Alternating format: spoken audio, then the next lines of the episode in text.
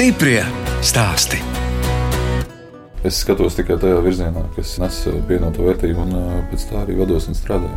Un lauksaimniecība šobrīd ir Tas nozare ar perspektīvu. virziens, viennozīmīgi nozara ar perspektīvu, un tā ir pietiekoši droša investīcija, tāpēc, ka ir daudz instrumentu, kam pateicoties lauksaimniecība kļūst pietiekoši stabila. Ja agrāk 50% no visas veiksmes bija atkarīgs tieši no laikapstākļiem lauksaimniecībā, tad tagad uh, riska procenti izdevies ir samazināt, pateicoties piemēram tādiem instrumentiem kā apdrošināšana. Ja tagad kaut kas neizauga dēļ laikapstākļu izmaiņām, tad to sēdz apdrošināšana. Līdz ar to tas samazina investīciju risku. Tā lauksaimniecības nozari vērtē Kaspars Bokta no Cēsu novada Zalbes pagastu uzņēmuma Forest Fox.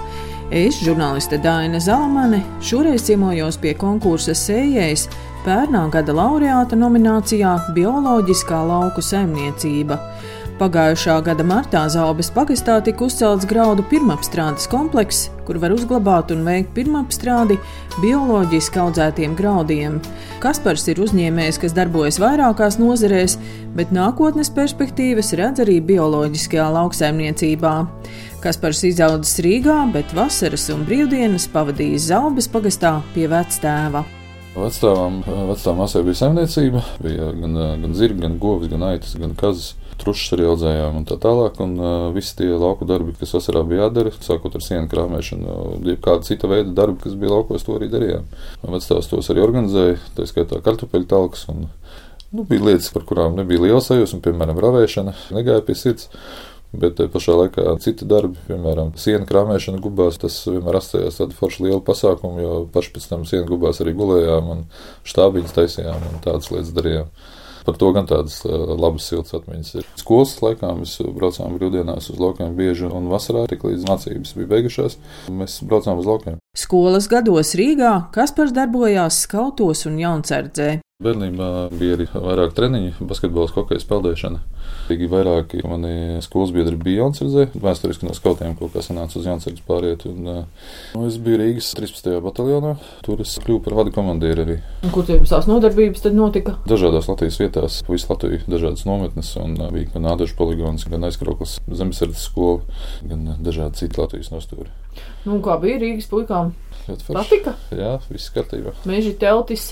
Jā, jā, jā, tā ir mana tēma. Jā. Pateicoties tam, es domāju, ka es arī kļuvu lielā mērā cilvēkam patīk lauka un arī medības. Un, medības ir mans viens no lielākajiem un tuvākajiem vaļaspriekiem. Kas par kādu jūs bērnībā bija sapņi par to, kas jūs gribat kļūt? Es gribēju kļūt par spiegu. Varbūt grāmatas bija salasījies filmu iespējā, un tā man likās ļoti interesanta un universāla profesija. Tie cilvēki, kas ir darījuši gandrīz gadu jebko. Tā jaunsārdze, tomēr tās militārās lietas, nu kaut kas Tā virzienā jau nedaudz ir, vai ne? Ja nebūtu daži notikumi, visticamāk, kas būtu attīstījis arī militāro karjeru un tagad visticamāk būtu Latvijas armijā. Un kāpēc tad tie juristi, ja tā bija tāda modas lieta? Nē, tā nebija modas lieta. Nu, vienkārši tā lieta, kuras ļoti labi saprotu procesu un, un, un loģiku šajā. Vai ir daudz juristu, kas kļūst par uzņēmējiem? Daudz. Savādāk izpratne par procesiem, kas notiek likumdošanā, un, ja to ir iespēja samērot ar praktisko darbību, tad parasti ir labi panākumi. Katram noteikumam ir sava interpretācija. Ja. Nu, likumdošana mainās, ir jau zināma pieredze. Redzu kaut kādām situācijām cauri uz priekšu, spēju viņas prognozēt un uh, viņas novērst jau saknē. Un tā es teiktu, ka viena no lielākajām lietām, kas biznesā ir jāmāk, tad, tad ir jābūt, kā krievis saka, čujam, ņuham un poņai. Un, ja vēl ir zināšana par mazo brāli Excel, tad jau viss ir, viss ir labi. Matemātika visam pamatā, jebkurā nozarē, jebkurā virzienā, ir ekonomiskais pamatojums un spēja analizēt dažādās dimensijās visu informāciju, balstoties uz kuru pieņemt lēmumu. Cilvēki, vismaz to, ko es redzu, Daudzreiz viņi nerēķina līdzi, neizprot kaut kādas sekas vai investīciju pamatojamību. Nu, ir jābūt ļoti, ļoti skaidram plānam, kāpēc kaut kāda tā vai, vai cita lieta tiek darīta vai kāpēc tajā tiek investēts. Nu, vienkārši bezjēdzīgi investēt naudu neveicot ekonomisko aprēķinu. Nu, jārēķina līdzi katru dienu. Bez tā nevar. Un, ja tu nespēji analizēt, nespēji reiķināt un nespēji redzēt kopskatu, nu, tad labāk nemaz nesākt. Katru dienu satiecas ļoti daudz un spēcīgas personības, daudz un dažādās jomās, virzienos un nozarēs. Un neviens no šiem cilvēkiem nav vienāds. Ir ļoti interesanti. Nu, tur ļoti daudz ko mācīties pasaules mērogā, Baltijas mērogā, Latvijas mērogā ir ļoti daudz interesantas pazīšanās, draudzības izveidojušās gadu garumā. Kaspars Bokta vienlaicīgi strādā vairākās uzņēmējdarbības nozarēs. Darbs man pēc 18 gadiem sākās ar nekustamiem īpašumiem.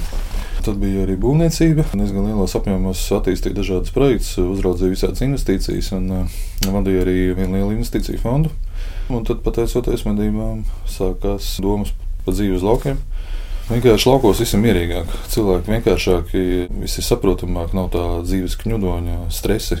Ļoti daudz laika pavadīju lidmašīnās, pārlidojumos.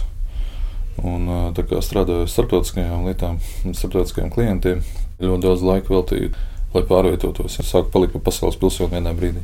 Tas arī sakrita ar to, kad vecāki aizgāja pensijā ap divu un pārcēlās uz laukiem. Un tad es pieņēmu lēmumu, ka es ieguldīšu līdzekļus un sākšu renovēt vecā māju. Kas arī veiksmīgi tagad ir izdarīts, un uh, tad arī sākās domas par mežsaimniecību. Ģimenei piederēja uh, tikai piemājas zeme, un uh, tad es uh, ar vairākiem draugiem biju doma attīstīt uh, tā vasaras māju ciematu, būvēt šeit līdzīgi kā kamatciems. Bet tad iestājās 2008. gada krīze, un tas projekts tika apturēts un tika turpināts investīcijas mežsaimniecībā. Meža zemes pirkšanā bija pašiem savu kukudēju, izadēja traktori, tas, kas ir vajadzīgs attiecībā uz mežsaimniecību. Tam visam nāca klāt līdz arī lauksaimniecības zemes, kuras tika vienkārši iznomātas kaimiņu saimniecībām. Bet pareiķinot rentabilitāti, Eiropas fondu pieejamību un tā tālāk, tika pieņemts lēmums investēt lauksaimniecībā un vairāk pārfokusēties no mežsaimniecības uz lauksaimniecību. Bija kaut kāda nekustamā īpašuma Rīgā, tie tika pārdoti, un te arī guldīts iekšā. Tika veikti kaut kādi zināmi eksperimenti, zināmas investīcijas, un uh, tika pārbaudīti rezultāti, analizēti rezultāti. Nu, tad tika jau konkrēti uh, stratēģija būvēta, ar kuras palīdzību mēs sapratām uh, to, cik rentabli vai nav rentabli viens vai otrs augsts kas būtu tālāk jāražo, ko pieprasa pasaule un ko pieprasa vispār cilvēki. Un uz to arī nu, mēs arī koncentrējamies. Nu, protams, arī skatījāmies zemes kvalitāti. Lai zemes kvalitāte būtu tāda, ar kuru mēs tiešām varam kaut ko sarežģīt, nevis eksperimentēt. Ja mēs paskatāmies uz lietām kopumā, tad uh, lauksaimniecība ir tāds pats darbības veids kā jebkurš cits, ar kuru tu nevari ilgtermiņā izdzīvot, ja tu nesaimnieko ekonomiski pamatot. Viena ir vēlēšanās būt laukos un sēt un dzīvot, ar to nepietiek. Darbojos vairākās jomās un, uh, un cenšos olas neturēt vienā grozā un sadalīt riskus. Ir palikusi arī mazliet mežsaimniecība, tad ir arī loģistika. Ir metāla apstrāde, arī vadības pakalpojumi, dažādi konsultācijas. Neveiksmes arī gadās biznesā. Protams. Un kā jūs tiekat tam pāri? Ir objektīvi iemesli, un pie kuras problēmas, jebkuras situācijas uzņēmuma vadītājs ir vainīgs pats. Viņš nevar vainot citus. Tas nozīmē, ka ir bijis vai nu par maz uzmanību, vai nu par lielu ambīcijas, vai par lielu egoismu, nu, dažādas lietas. Un, kā es teiktu pāri, nu, nekā. Vienkārši cenšos tādas situācijas nepieļaut uh, kaut kādos nākamajos dzīves posmos. Es ļoti labi apzinos tajā brīdī savu atbildības sajūtu. Ja, ja ir pārāk daudz neveiksmes, tas nozīmē, ka izvēlētā stratēģija vai attieksme nav pareizā. Ja, viņi ir uh, ļoti radikāli nekavējoties jāmaina, jo pretējā gadījumā tas apdraud visu labklājību, uzņēmumu, darbiniekus, visu to, kas ir uh, sasniegts līdz šim, un kļūdas biznesā nav piedodamas. Stiprie stāstī!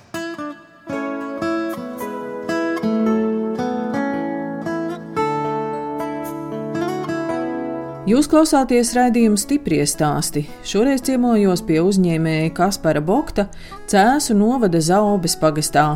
Kaspars pērnā gada nogalē konkursā sējējs kļuva par laureātu nominācijā Bioloģiskā lauku saimniecība.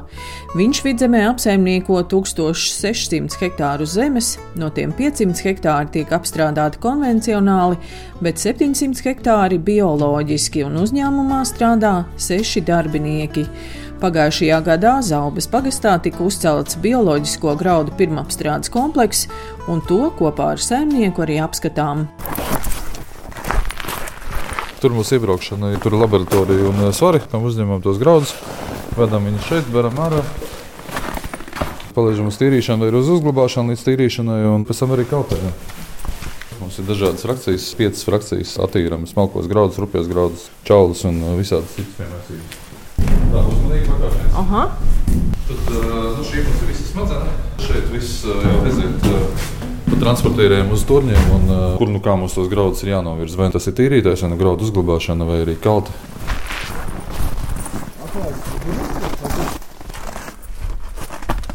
Šeit mums ir uh, Galvenā smadzenes ir vadības telpa. Pateicoties modernizācijai, mēs esam panākuši to, ka kalti eh, var vienā maiņā faktiski vadīt pusotrs cilvēks. Krievijas laikos pa salīdzinājumu šādu veidu kaltu darbinātu. Vajadzīgi kaut kādi desmit cilvēki vienā maiņā. Cik ir liela ietilpība? Kopējā ietilpība sezonas laikā atkarībā no kultūras no 40 līdz 45 tūkstošiem tonu. Dažādas kultūras lēnāk tīrās, ilgāk tīrās, ilgāk kaltējās. Līdz ar to tur ļoti daudz nianses ir atkarībā no tā, kāda kultūra, kāds mitrums, kāda laikapstākļi. Nu jā, un visa vadība notiek caur datoru. Visos posmos mēs absolūti redzam visu to, kas notiek, kā graudu tiek pieņemti, kā viņi tiek palaisti. Mums ir sensoru sistēma, mēs redzam, jebkuru posmu, jebkuras problēmas. Šobrīd mēs varam izlasīt to, ka turņos mums ir produkcija, mums ir sagatavota kalts pamatdarbības režīmam, lai varētu uzsākt kaltēšanas procesu vajadzības gadījumā. Un te mēs arī varam kontrolēt graudu padevi, fasēšanas procesu un tādas lietas. Un arī programmas, kas mums ļauj dažādos veidos kalti darbināt atkarībā no, no mūsu vajadzības. Tā ir rakstīts, sausinātāja izkraušanas piltuve ir pilna. Sensors saka, to, ka apakšējā daļa mums ir pilna. Viņa ir jāatbrīvo, lai varētu tālāk jau kalti palaist cirkulācijā. Graudus mēs gan pieņemot, gan izdodot, gan arī procesā nepārtraukti pārbaudām. Šogad esam iegādājušies laboratoriju, kur esam certificējuši Latvijas graudu tīklā.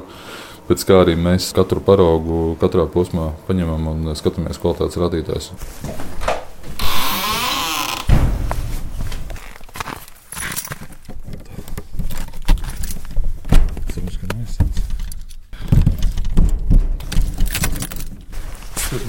Uzglabājās jau gatavā produkcija gan pārtikai, gan arī sēklai nākamajam gadam, gan arī tirdzniecībai citiem zemniekiem. Šeit mums ir Latvijas spēlēkie zirņi, šeit mums ir pupas, šeit mums ir dzeltenie zirņi, šeit mums ir auzas, griķi un kvieši. Kaspars Bokta stāsta, ka bioloģisko graudu pirmapstrādes komplekss Zaubas pagastā uzcelts, lai sniegtu pakalpojumus kooperatīva biograuds vairāk nekā 40 biedriem Vidzemē un Rīgas reģionā, bet nākotnē plānots biedru skaitu palielināt. Paredzēts tuvākā pusotra divu gadu laikā biedru skaitu palielināt līdz 200 ražojošiem lauksaimniekiem un kļūt par jaudīgāko kooperatīvu Baltijas mērogā cenšamies sakārtot ar kooperatīvu biedriem un ar kooperatīvu palīdzību tieši šo bioloģisko daļu, kas līdz šim Latvijā vispār netika sakārtota, jo visi šie saimnieki bija katrs pa sevi un uh, sadrumstaloti, un viņi nebija vienoti. Tas, ko mēs mēģinām tagad panākt, ir apvienot lielākos uh, ražojošos, sevi pierādījušus zemniekus un uzņēmumus, kas nodarbojas ar tieši šo bioloģisko virzienu, un visiem kopā radīt jaudīgu kooperatīvu ar kuru palīdzību mēs iegūstam pievienoto vērtību. Nevis... Bioloģiskiem saimniekiem nav tomēr diezgan mazas tās zemes platības, ko viņi apsaimnieko. Bioloģiskie lauksaimnieki dažādi. Ir saimniecības, kas ir virs 1000 hektāru. Tās jau ir ievērības cienīgas un ļoti jaudīgas. Vidējā saimniecība bioloģiskā Latvijā ir, ja nekļūdos, apmēram 25 hektāri. Mēs koncentrējamies uz tām, kas ir ražotspējīgas, ilgtermiņā sev pierādījušas. Un nav noslēpums, ka vienai saimniecībai algot visu nepieciešamo cilvēku daudzumu, lai varētu kvalitatīvi veikt darbu, tas ir gandrīz neiespējami. Kooperatīvu ietvaros tas ir daudz vieglāk. Tas arī ir kooperācijas princips. Piemēram, tas ir agronoms, jurists vai, vai lietvedis vai grāmatvedis, par kuru maksāsiet kooperatīvu biedru, un viņi varēs atļauties kooperatīvu biedru sametoties uz visiem. Tas ir daudz, daudz lētāk nekā maksājot katram atsevišķi. Un tā arī ir tā tipiskā latviešu problēma, kad latviešu zemnieks cenšas darīt visu viens pats un uh, nevar koncentrēties uz galvenajiem saviem pienākumiem, bet saskalda savu uzmanību uz daudzām sīkām, nevajadzīgām lietām, par kurām nevajadzētu ikdienā nodarboties. Jā. Un ir uh, grūti sēdēt traktorā, būt grāmatu, par nodokļu konsultantu, par juristu, par agronomu, par uh, saimniecības vadītāju, par personāla daļas vadītāju vienā personā. Tas nav vajadzīgs un tas nav pareizi. Un otra lieta, kad mēs ejam uz pārstrādi, tad, tad mēs darīsim visu, lai pēc iespējas ātrāk uzbūvētu pārstrādi, ar kuru mēs visu to, ko mūsu Latvijas zemnieks izaudzē un uh, saražo, mēs varētu pārstrādāt līdz iepakojumam, līdz eksportspējīgai precei pievienotās vērtības radīšanai šeit, pat Latvijā. Kas tie būs milti? Tagad mēs vēl kalkulējam kaut kādas lietas, bet tie noteikti būs daudz dažādi milti. Tie būs daudz dažādi gatavās produkcijas iepakojumi, teiksim, makaroni, zaļie griķi, tvaicētie griķi, lobarība, putnbarība, zivbarība un tā tālāk. Patreiz ir izstrādes procesā vairāk produkti, apmēram 40 gatavās produkcijas veidiem. Jo vairāk Latvijā būs pārstrādes uzņēmumi, jo bioloģiskās produkcijas cenas, es domāju, ka samazināsies. Parādīsies lielāka konkurence, lielākas iespējas optimizēt ražošanas procesu kā tādu. Un es domāju, ka mums būs laba kvalitatīva pārtika mazliet dārgāk par konvencionālu. Bet tā doma ir vairāk eksportēt to gala produktu, lai nodrošinātu gan pirmstrādes, gan pēcapstrādes jaudu darbību. Baltija nav tirgus vai kāda konkrēta valsts, tad mums jāiet uz visu pasauli. Arī citās valstīs - Vācija, Skandināvija, Francija un Itālija un tā tālāk. Tātad tur cilvēki nedomā kā viensētnieki. Viņi meklē veidu, kā kooperēties un apvienot savas zināšanas un profesionālās spējas, lai radītu pievienoto vērtību sev un valstī. Un tas ir tas, ko Latvijā, diemžēl, reti izdodas sastapt, un to arī mēs ceram mainīt. Šobrīd kooperatīvs Biograuds sadarbojas ar uzņēmumu Alois Tarkelsen, kas ir vieni no lielākajiem bioloģisko kartupeļu cietas ražotājiem Latvijā. Viņi ražo arī bioloģiskos zirņu un pupu miltus. Mēs esam vieni no, no lielākajiem audzētājiem un piegādātājiem. Priekš Alois uz doto brīdi viņiem noteikti diezgan liela nopietna modernizācija, un mēs audzēsim arī turpmāk priekš viņiem eh, tās kultūras, kuras viņi pieprasīs. Un kopā ar Aloju mums ir izveidots projekts ar nosaukumu Jurgensburg, kas ir bijušais vēsturiskais zaudējums nosaukums. Un ar šo zīmolu plānots ir attīstīt gatavās produkcijas realizāciju. Ir jau vairāki produkti saražoti, izēvielas saražojam mēs un pārstrādi nodrošina Aloja un fasēšanu. Un tad mēs to ar laiku arī uh, attīstīsim šeit. Bet šeit būs arī tā pārstrādes rūpnīca? Jā, paredzēta pārstrādes līnija un fasēšanas līnija, kur patreiz tiek projektēta. Nu, droši vien būs Eiropas nauda. Nezinu, nav, nav skaidrs patreiz, vai viņi būs vai nebūs. Vai mēs gaidīsim. Ja būs iespēja, tad paši investēsim. Kas par to, kā jums ir daudz tās darbības nozares, cik bieži jūs pats tajā lauksaimniecības sadaļā, tajā bioloģiskajai lauksaimniecībai varat izsekot līdzi? Vai jums te uz vietas zaubē ir kāds atbildīgais? Jā, jā, man ir vairāk cilvēki, kuriem es deleģēju ikdienas darba procesus, vai tas ir pirmsrādes komplekss, vai tie ir lauku darbi, vai tie ir servisa darbi. Tad mans pamat uzdevums ir sekot līdzi ikdienas operatīvajām lietām kopumā, analizēt. Dažreiz sanāk sastrēgumi, kad ir kaut kādas neplānotas situācijas, vai cilvēks saslimst, tad nākas izvēlēties prioritātes. Cik viegli vai grūti ir atrast darbiniekus? Darbiniekus nav grūti atrast. Cilvēki saka, ka Latvijā problēma ar darbiniekiem. Es domāju, ka Latvijā problēma ir ar darba devējiem. Darba devēju attieksmi pret darbinieku, tādu elementāru saistību izpildi un cilvēcisku attieksmi. Un, tā ir galvenā problēma, kāpēc nav darbinieku. Atalgojuma līmenis nu, jau ir diezgan tuvu tam, kāds ir Eiropā. Problēma ir prasības, attieksme vai nemācēšana komunicēt un novienoties par kaut kādām lietām. Tā tālāk. Protams, ir bijuši cilvēki, kas nāk un aiziet, bet nu, tā ir viņa izvēle. Bet jūs jau arī rūpēties par darbiniekiem. Mēs arī šodien izbaudījām pusdienas no skolas ēdnītes, kuras tiek pievestas klāt. Zupiņa. Tā ir ikdiena, apgādāt ar siltām pusdienām. Tā ir ikdiena, jā, droši vien gan, gan ēdināšana, gan arī nepārtraukti cenšos uzlabot visas iespējamas darba apstākļus. Ir arī duša, toleta un vajadzības gadījumā tiek nodrošināta arī dzīvošana. Mums uz vietas ir gan vairākas mājas, gan arī izremontētas komfortabls ar eiro remontu dzīvoklis, kurā viņi var palikt vajadzības gadījumā. Darbinieki var izmantot darba mašīnas, nevis laust savējās un strādā ar diezgan modernu un jaudīgu tehniku. Mēs darām visu, lai tie apstākļi mm, arī brīvajos brīžos būtu maksimāli cilvēciski. Rīkojam normālas balīdzes, gan uz apsējumiem, gan, gan apkulībām, gan arī dzimšanas dienas kopā svinām, gan arī kārtas uzraujumu teicāt, tagad jādomā par kaut kādu sportošanas iespējām darbiniekiem, kad sāk kļūt jau pārāk apaļi. Jā, tā tas sūdzās pagastā cilvēki, kad eh, man ir ar tādiem puncīšiem jau, bet eh, kaut ko domājam. Ir plāns noteikti kaut kādas sporta aktivitātes, vai nu mēs brauksim uz baseinu, vai spēlēsim futbolu vai volejbolu, bet no sports būs. Tā ir viena no prioritātēm. Darbs ir diezgan intensīvs, tas maksas sezonas laikā, un ir jāspēj relaksēties un, un sevi atbrīvot fiziski. Un, kas attiecās uz uh, alkohola lietošanu darbā, tad tas ir pilnīgi izslēgts. Ja pie tādām lietām pieķeru ārpus manas saskaņojuma, tad cilvēks tiek atlaists neatkarīgi no tā, cik labs draugs viņš ir. Ja viņš apdraud citus kolēģus alkohola reibumā, viņam tad darīt nav ko. Pēdējo divu gadu laikā mums tā problēma kā tāda nav bijusi, jo, ja mēs iedzeram, tad iedzeram kopā, vai nu pēc darba laika, kādā īpašākā brīdī. Šito visu mēs varam laist ēterā? Droši vien, es nezinu, nav jau nekāds noslēpums. No, nu, darba drošības noteikums ar to nepārkāpj, un neko sliktu mēs ar to nedarām. Ja mēs esam tādi paši cilvēki, kā jebkurš cits. Nu.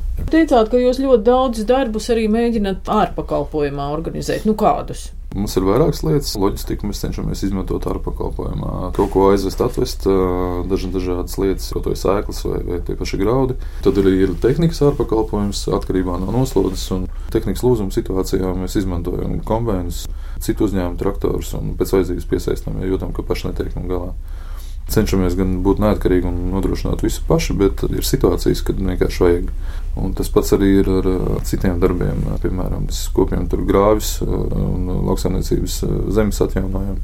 Raujam ārā cēlus, tīram visus melnācijas kanālus, vedam to visu nost prom no lauka, līdzinām laukus un tā tālāk. Tie ir ļoti daudz tādu darbu, kuros nevajag patstāvīgu štata vietas, kuras mēs ņemam tikai tajā brīdī, tad, kad mums tas konkrētais darbs ir nepieciešams. Bet līdz ar pārstrādi un līdz ar citiem virzieniem, kurus ir plānots attīstīt, tā skaitā arī lauksaimniecības servis un vieglā metāla apstrāde, mēs plānojam ar to nodrošināt darbu patstāvīgi, regulāri puišiem arī ziemā un arī viņu ģimenēm. Ja. Tad, tad pārstrādē noteikti atradīsies vieta arī sievām. Stiprie stāsti!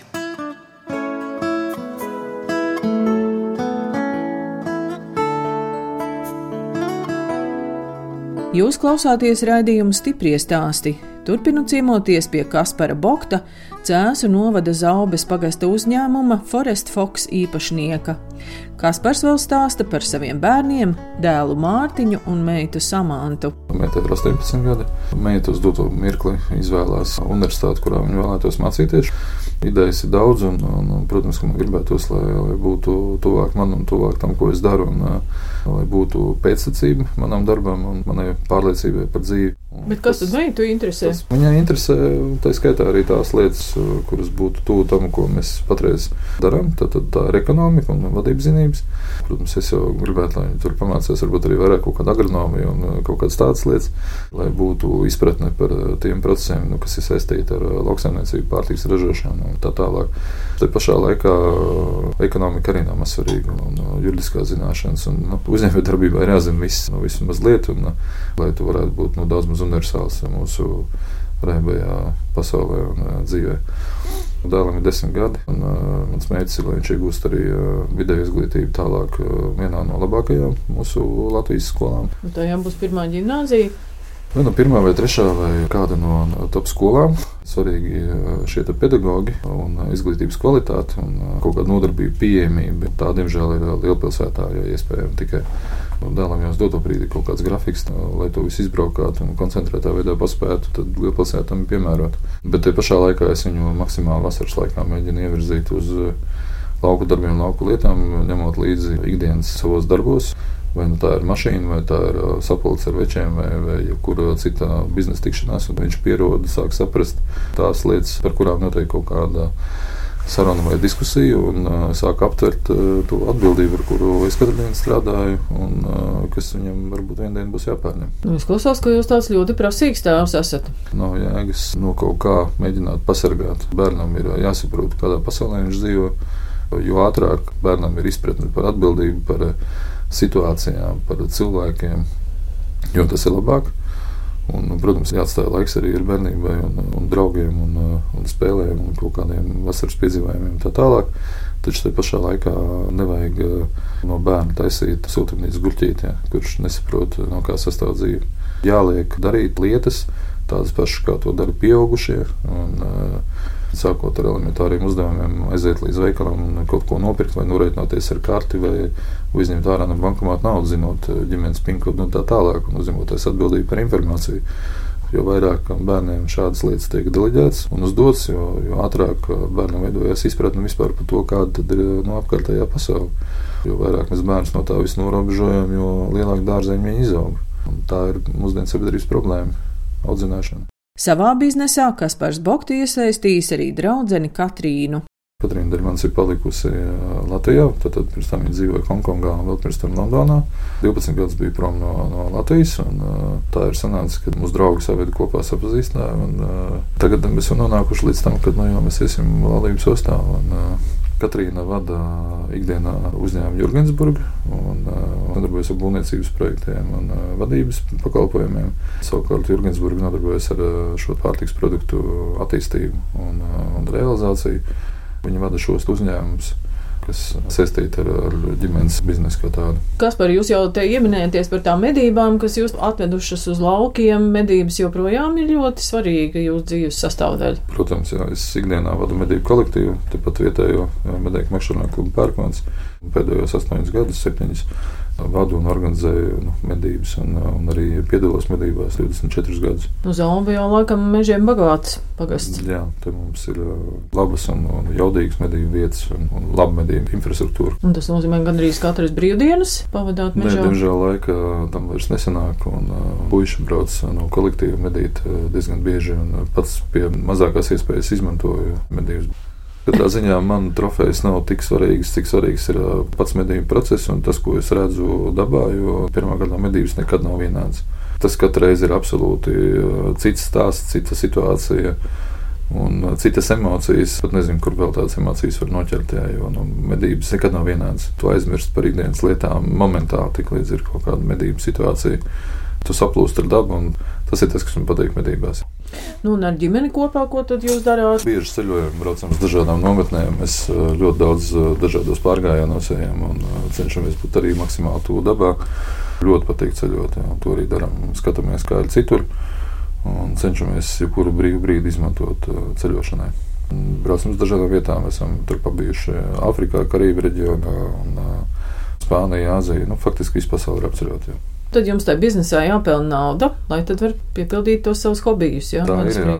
Tā kā pērnā gada nogalē Kaspara uzņēmums Forest Fox konkursā sējais kļuva par laureātiem nominācijā Bioloģiskā lauku saimniecība, vaicāju, cik nozīmīga viņam ir šī balva. Protams, ka tā ir uh, svarīga atzinība, jo tas viennozīmīgi dod ne tikai papildus motivāciju, bet arī iespēju plašākam sabiedrības lokam izskaidrot konkrētās nozares darbības, virzienu, īpatnības un, un izprast vispār nozari.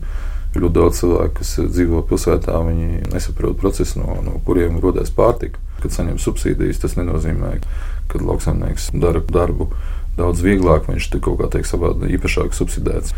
Lauksaimniekam ir ļoti, ļoti daudz risku.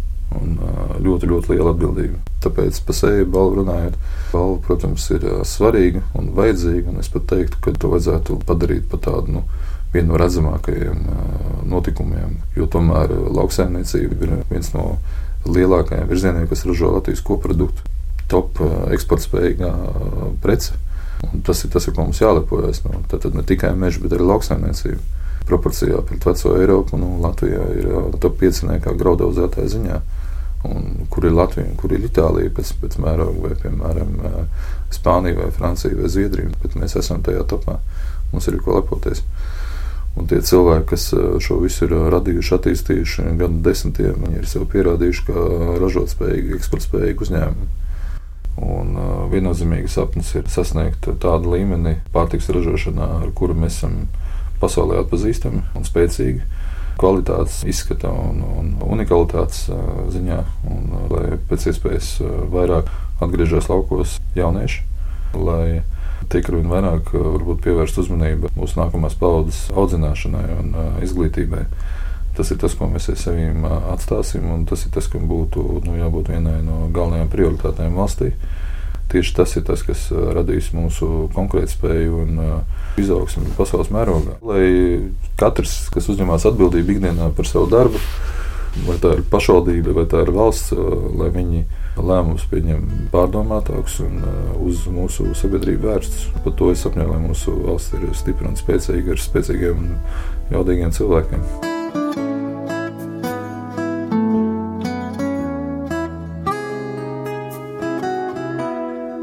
Redījums stipri stāsti izskan, un mēs atvadāmies no Kaspara Bokta, kas pērnā gada nogalē konkursā sējais kļuva par laureātu nominācijā Bioloģiskā lauku saimniecība. Kaspars Cēsu novada Zaubes pagastā izveidojis bioloģisko graudu pirmapstrādes kompleksu un kopā ar kooperatīva biograuds biedriem uzsācis bioloģiskās produkcijas ražošanu. No jums atvedās žurnāliste Dāna Zalamane un operātore Inga Bēdele. Tiksimies atkal tieši pēc nedēļas.